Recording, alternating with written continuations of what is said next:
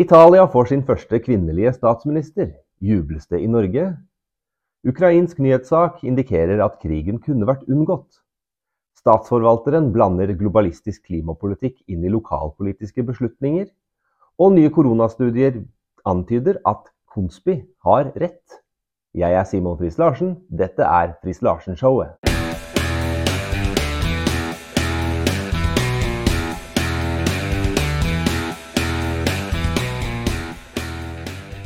Italia får sin første kvinnelige statsminister, og jubles det i Norge for det? Nei. Men hvorfor ikke? Tenk deg den første kvinnen til å bli statsminister i Italia. Man skulle jo tro at det var grunn til å juble. Det var jo det man håpa på i USA i 2016, at det skulle bli en kvinne som ble president der. Tapte riktignok, men eh, liksom det skulle være så fantastisk med en kvinne. Men men når Italia nå får en kvinne i statsministerstolen, nei, da eh, er ikke det bra. For det handler tydeligvis ikke om dette her med om å være kvinne allikevel. For det er jo hva hun står for, som tydeligvis er så farlig. I hvert fall for de som skal forsøke å sette dagsorden i norsk politikk og i norsk media. Georgia Meloni fikk 26% av stemmene.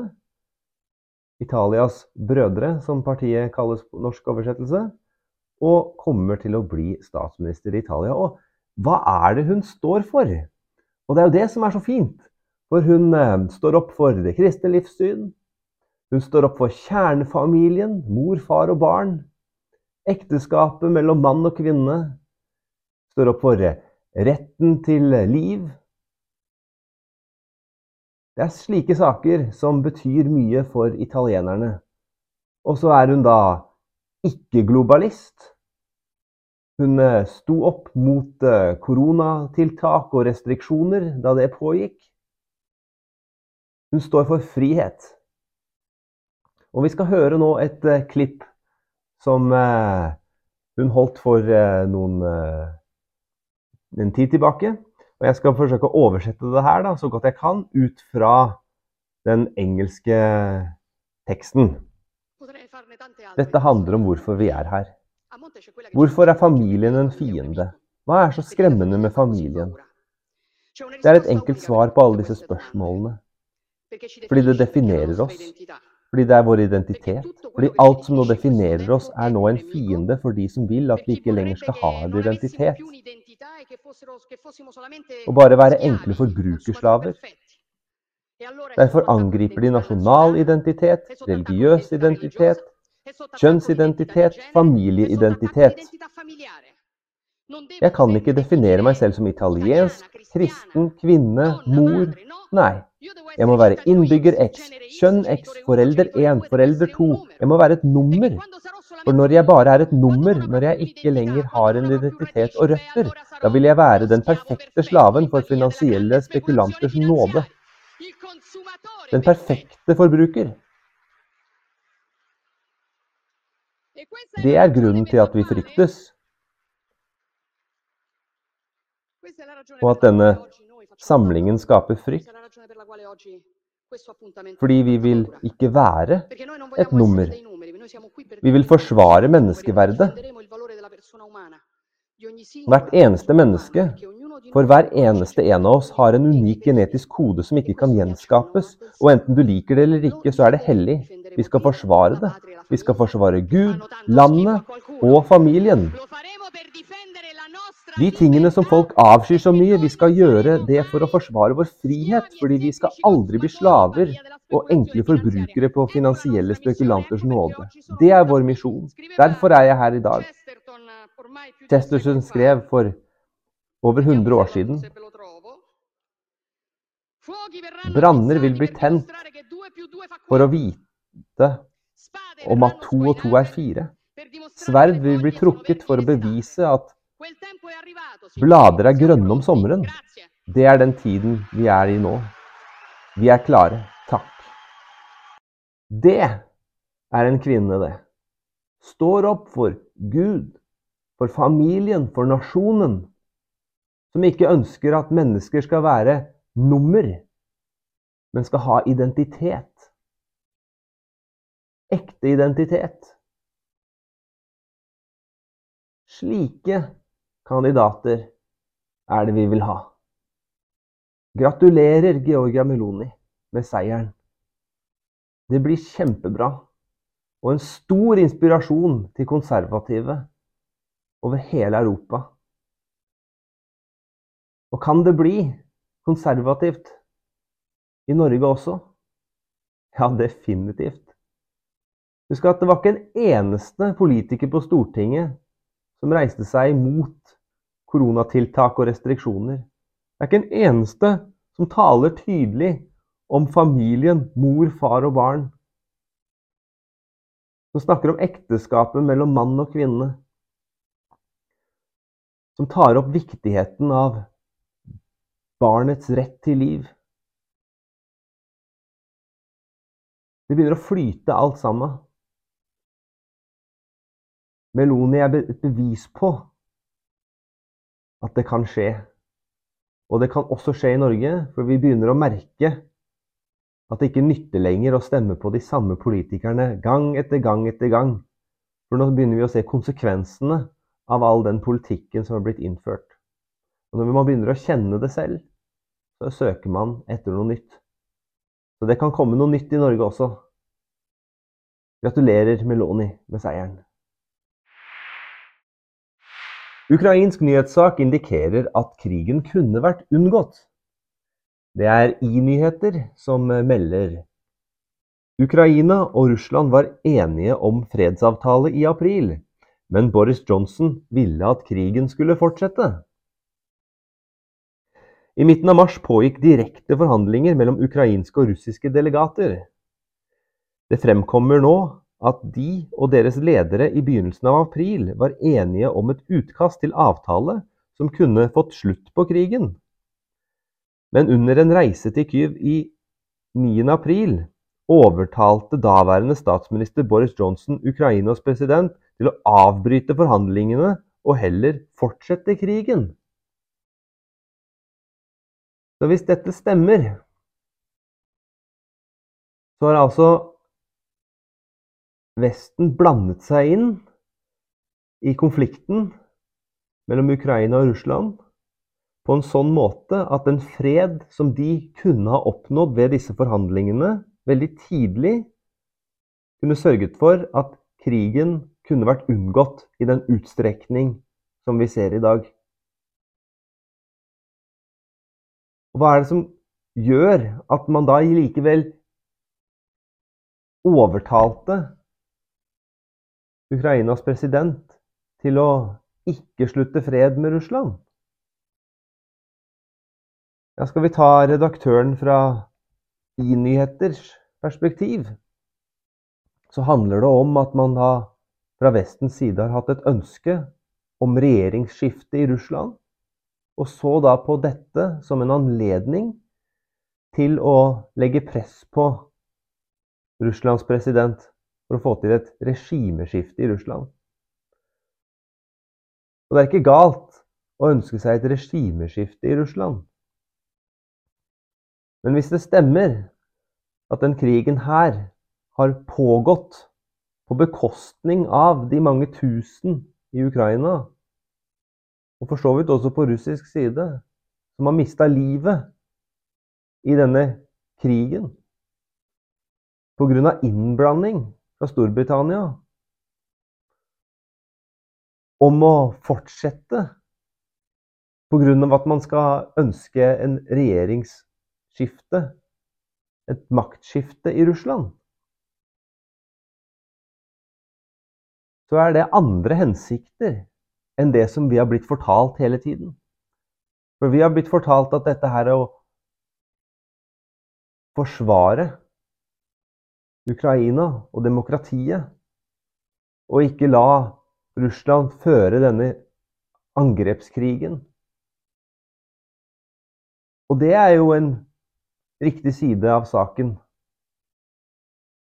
Men hvis det også handler om at man skal føre denne krigen fordi at man skal indirekte føre fram et regimeskifte i Russland, så er det andre hensikter enn det vi har blitt fortalt.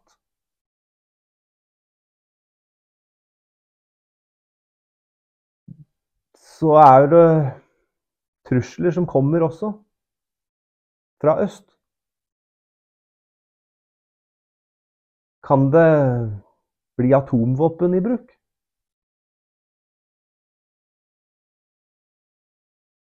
Hadde vi kunnet slutte fred? Hadde man latt prosessen gå sin gang, så kan man vel ha unngått at ting har gått så langt at man nå frykter for atomvåpen. Litt lettere stoff nå, for eh, statsforvalteren blander globalistisk klimapolitikk inn i lokalpolitiske avgjørelser. Og dette tror jeg vi kommer til å se mer og mer av. Se nå her fra en sak i Rælingen. Det ligger jo nært til meg. Som et eksempel på hva jeg mener. Her fra Romerikes Blad. Dette her gjelder da en eh, sak, en utbyggingssak i kommunen. Og eh, jeg var også med å vedta denne. Altså utbygging redder skole og grendehus. Utidig med omkamp. Og det kommer fra statsforvalteren. Det er en omkamp. Ja, omkamp om hva? Og det får vi se. For eh, først skal vi se at dette her er jo da et positivt eh, prosjekt. En utbygging som vil bety nye boliger syd i bygda og gjøre at eh, den lokale skolen på Nordby, som det heter, vil kunne fortsette å få barn, elever, i eh, årene framover.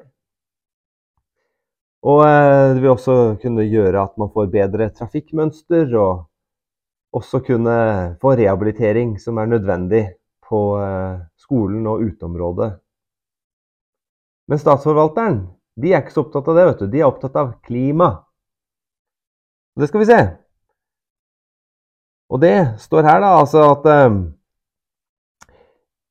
i vårt innspill til oppstart av planarbeidet for reguleringsplan i oktober 2018, i vår høringsuttalelse til reguleringsplansforslaget i mars i år, har vi bedt om at kommunen som planmyndighet vurderer området på nytt i forbindelse med revisjon av kommuneplanens arealdel. Vi fremmet imidlertid innsig ikke innsigelse noen av gangene. Har dere forståelse for at kommunen karakteriserer dette som omkamp? Vi har forståelse for at våre faglige råd i denne saken kan oppfattes som omkamp, selv om vi ikke fremmet innsigelse i planforslaget. Ja vel, men hva er det da dette går ut på? I løpet av årene som har gått, har det kommet flere forsterkede mål og føringer for en mer klimavennlig arealplanlegging, som både kommune og stat må prøve å etterleve. Ikke minst har vi fått den nasjonale handlingsplanen for å nå de 17 bærekraftsmålene svarer seksjonssjef for klima- og miljøavdelingen. Så Bærekraftsmålene, ja. Og eh, disse herre eh, Klimavennlig arealplanlegging. Så her skal altså statsforvalteren inn og begynne å blande seg inn i reguleringsplanen som kommunen sårt trenger. Og det jeg pleier å si, er at globalisme, det bekjempes lokalt. Vi kan ikke lenger finne oss i at disse her overnasjonale føringene skal tres ned over hodene på oss. Skal det først komme fra en eller annen ikke-folkevalgt eh, organ nedi Europa et sted? Skal de diske opp dette her sammen med folk som reise med privatfly til såkalte klimakonferanser. De tror ikke på det selv, vet du. Ellers hadde de ikke reist med fly alle sammen og hatt det fint og flott. Legge planer for disse målene vi skal oppnå. Og så skal dette her da bearbeides og lages ut i planverk som da Stortinget skal bestemme, og så skal det da lages nasjonal handlingsplan. Så skal det da komme ned på kommunenivå, hvor man må bare finne seg i og leve etter dette her, så skal man få skjenn for at man eh, lager fine boligområder som kan bidra til å gjøre lokalsamfunn attraktive og bedre.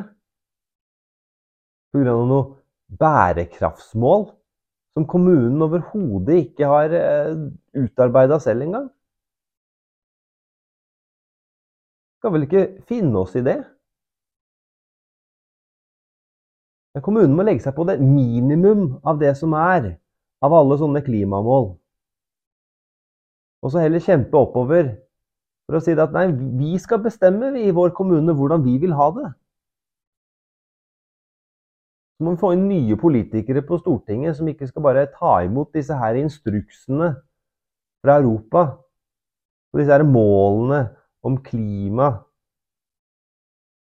Som da en gruppe med elitefolk skal sitte der og kose seg i fiffen med sine privatflyreiser.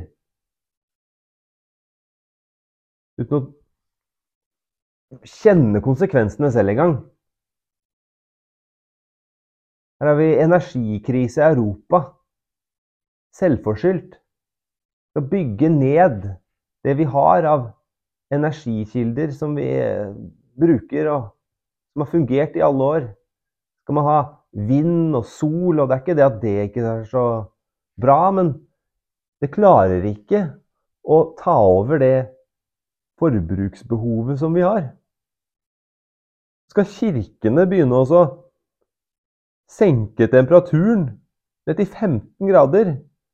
Skal flyplassene og sykehusene senke temperaturen? Nei, Stortinget kan senke temperaturen. La det være fem eller ti grader der. Kan de få sitte med ulltepper og pledd og kjeledress på sine møter. Og så kan du godt kutte strømmen også. Kan du montere vindturbin på taket og noen solpanel, og så får det holde. Det er den strømmen dere får. Kan man eh, ta bort vedovnen òg, om det så fins, for det skal jo ikke fyres med ved heller. Kan man få merke konsekvensen av egne vedtak? Eller skal vi si nei til dette her som tres nedover oss fra Europa? Dette globalistiske greiene? Det skal vi gjøre, ja. Og jeg tror det er noe vi kan få til. Jeg tror folk flest skjønner at det nytter ikke å stemme på de samme hele tiden. At man er nødt for å få inn lokalpolitikere som ikke godtar sånne føringer som skal Bærekraftsmål og klimamål. Som kan legge føringer og kanskje gjøre at lokalpolitiske vedtak ikke fører fram, som er nødvendig for lokalsamfunnet. Fordi noen elitefolk har bestemt det. Nei, man må få inn politikere lokalt som skjønner dette, og som gjør noe med dette. Og så må man velge nytt ved neste stortingsvalg, så man får en utskiftning av de politikerne som er der. Og så kan man også få nye eksperter, takk. Det er veien fram. Nye koronastudier ser ut til å antyde at eh, Konsby har hatt rett. Og eh, vi kan jo se på noen av disse studiene. Her er en fra nature.com, hvor overskriften er 'Re-evaluation of antibody-dependent enhancement of infection and anti- therapeutic antibodies and mRNA antisera using FCR and ACE2 positive cells. Så det som eh, NCD 2021 kan eh, berette Sjekk ut de på Facebook. NCD 2021 Norge. De kan da vise til at dette er den første studien som demonstrerer ADE, altså Antibody Dependent Enhancement, fra sprøytene. Og hva er ADE? det er når antistoffer gjør at kroppen ikke klarer å kjenne igjen et virus som fiendtlig, men tvert imot kjenner det som vennlig. Det inviterer heller viruset inn i kroppen enn å bekjempe det som en trojansk hest. Så dette her viser da at um, disse sprøytene har gjort at istedenfor å holde ute det som man da skal beskyttes mot, så har det heller gjort det motsatte. At det har åpnet opp for at man nettopp får det. Og det var jo ikke det vi blei fortalt.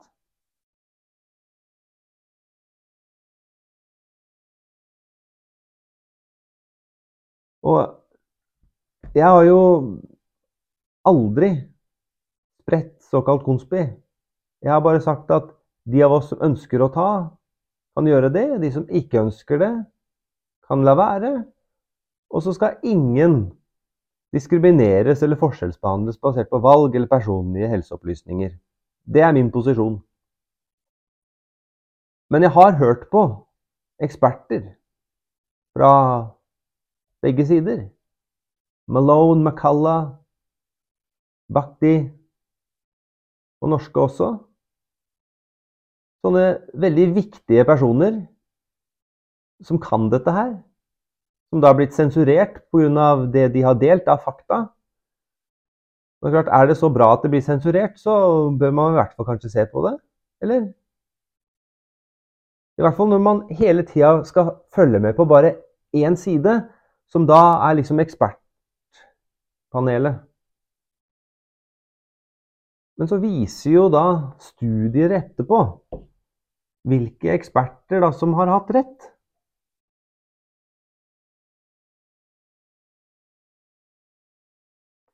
Vi kan se på enda en studie. Og da er det en som står i uh, The National Center for Biotechnology Information. Og den heter The incidence of myocarditis and pericarditis in post-COVID patients, a large population-based study. Altså, dette er jo da en uh, stor studie som ser på dette her med myokarditt og perikarditt, dvs. Si disse her hjertebetennelsene, i da uh, personer som har da hatt korona og ikke tatt sprøyter. Og det viser da at uh, Post-koronainfeksjon blant personer som ikke har tatt sprøyter, er ikke assosiert med verken myokarditt eller perikarditt. Det er med andre ord ingen økning i forekomst av myokarditt og perikarditt i voksne som ikke har tatt sprøyter, som har, som har gjennomgått koronasykdom. Det betyr at de som da har fått disse hjerteproblemene, er da utelukkende personer som har tatt sprøytene. Så de som ikke har tatt sprøytene, har i hvert fall ikke fått det problemet med hjertet. Og det, det med hjertet, det skulle jo være, bare være sånn veldig sjelden bivirkning. Men så er det jo vel, veldig ofte. At man leser om det og hører om det. Men eh, nei, nei, det kommer jo ikke av sprøytene at man fikk disse hjerteproblemene. Men så er det bare at studien etterpå viser jo at det, det er jo nettopp det der.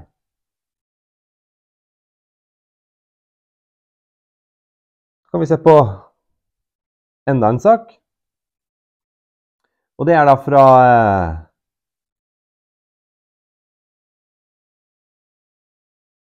Neza Hanna, som da har eh, utarbeida denne.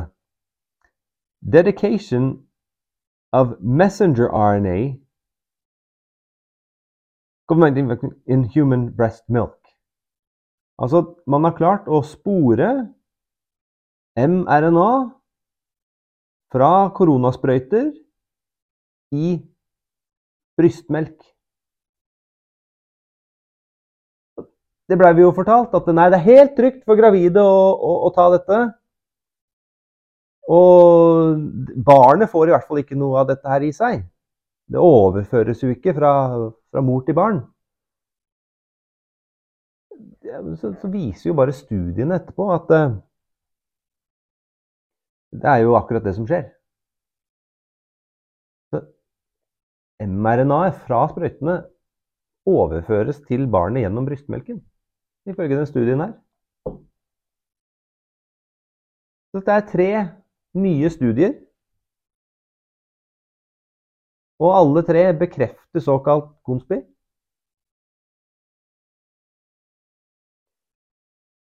Og da er jo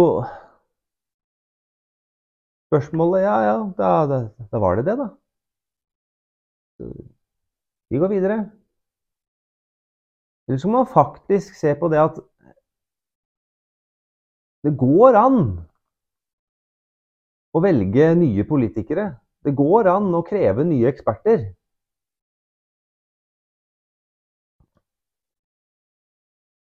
Hvor mange ganger skal man velge og velge og velge de samme personene hele tida?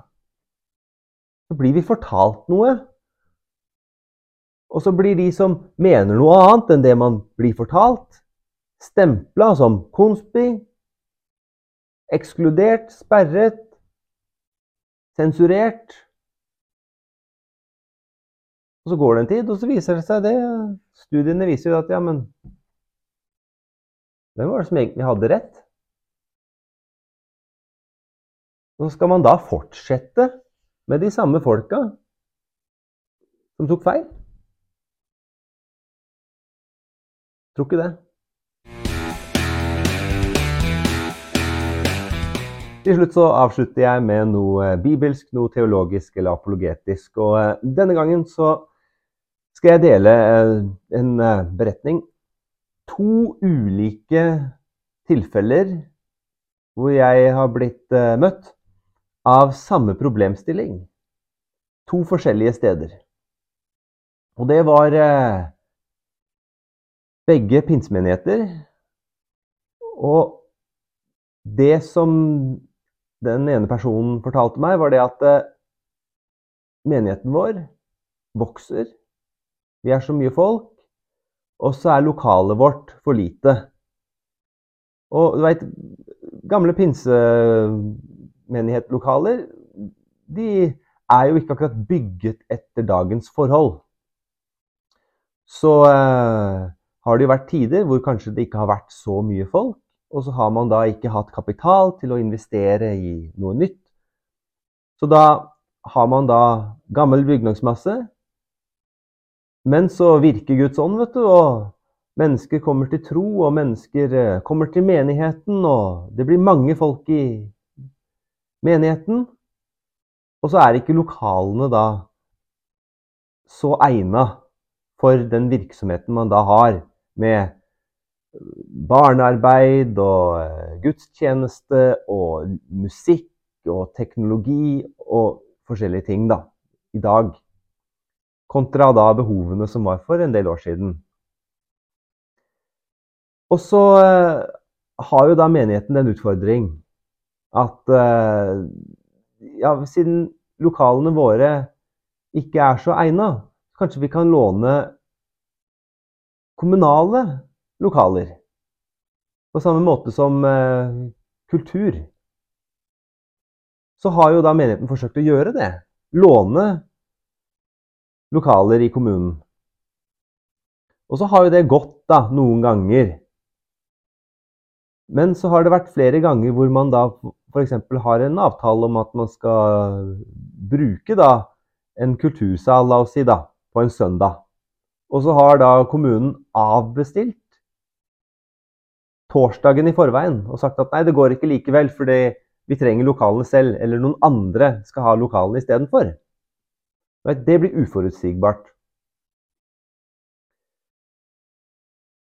Og så vil jo gjerne menigheten låne lokaler, men får ikke. Fordi at kommunen sier at nei, eh, menighet, det er ikke kultur.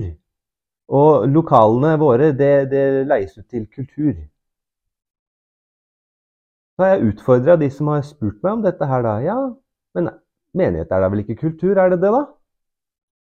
Uh, jo, er det ikke det, da? Nei uh, Vet ikke hvordan de skal svare på det. Men jo da, man kan godt si at menighet er kultur i den grad at det, vi har en kristen kulturarv. Men arv er jo noe forgangnet, noe som ligger bak oss, som man har, man har, overtatt. Som på en måte ikke er eh, i virksomhet i dag, fordi det er bare noe vi, vi har med oss.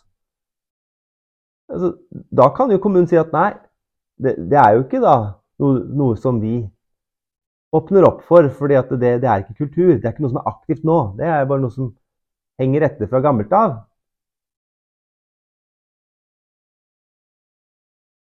Ja, altså, hva er det menigheten skal gjøre? Ja, Det skal jeg komme tilbake til. For det var ikke bare denne ene gangen jeg fikk denne henvendelsen. Helt tilsvarende tilfelle, helt uavhengig av denne menigheten, kom en, en annen jeg snakka med, og sa det at du, eh, i, i menigheten vår ute på plass sånn og sånn, så vi skulle gjerne lånt noen lokaler i kommunen, men vi får ikke. Vi får nei i kommunen fordi vi går ikke under kultur. Akkurat samme problemstilling. Og dette her tror jeg ikke bare skjer på disse to plassene. Så hva skal kristne gjøre? Hva skal menighetene gjøre? Vi må slutte å ta ting for gitt. Menigheten må slutte å ta ting for gitt. Det er ikke sånn lenger at man kan bare gå og spørre pent, og så, og så får man låne lokaler i kommunen nødvendigvis. Det er ikke sånn lenger, for samfunnet har endra seg.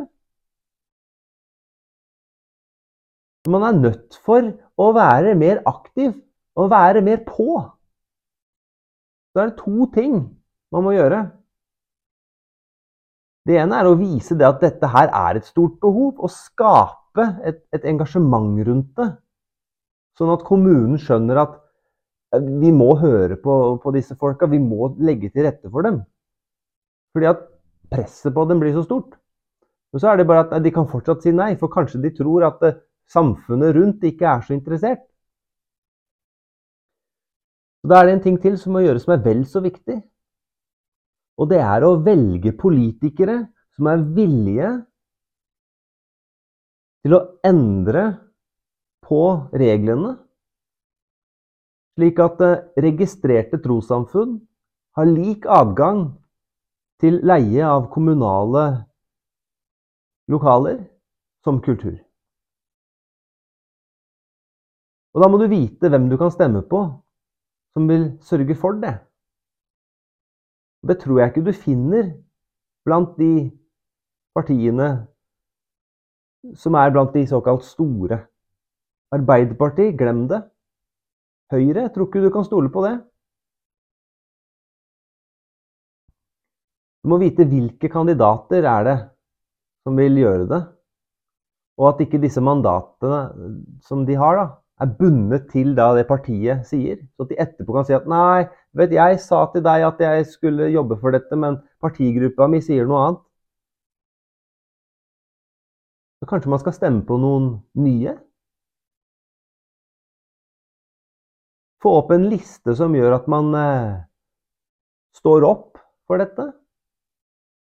Og så får man kristne til å være engasjerte og aktive i å velge nettopp de politikerne som vil jobbe frem deres sak.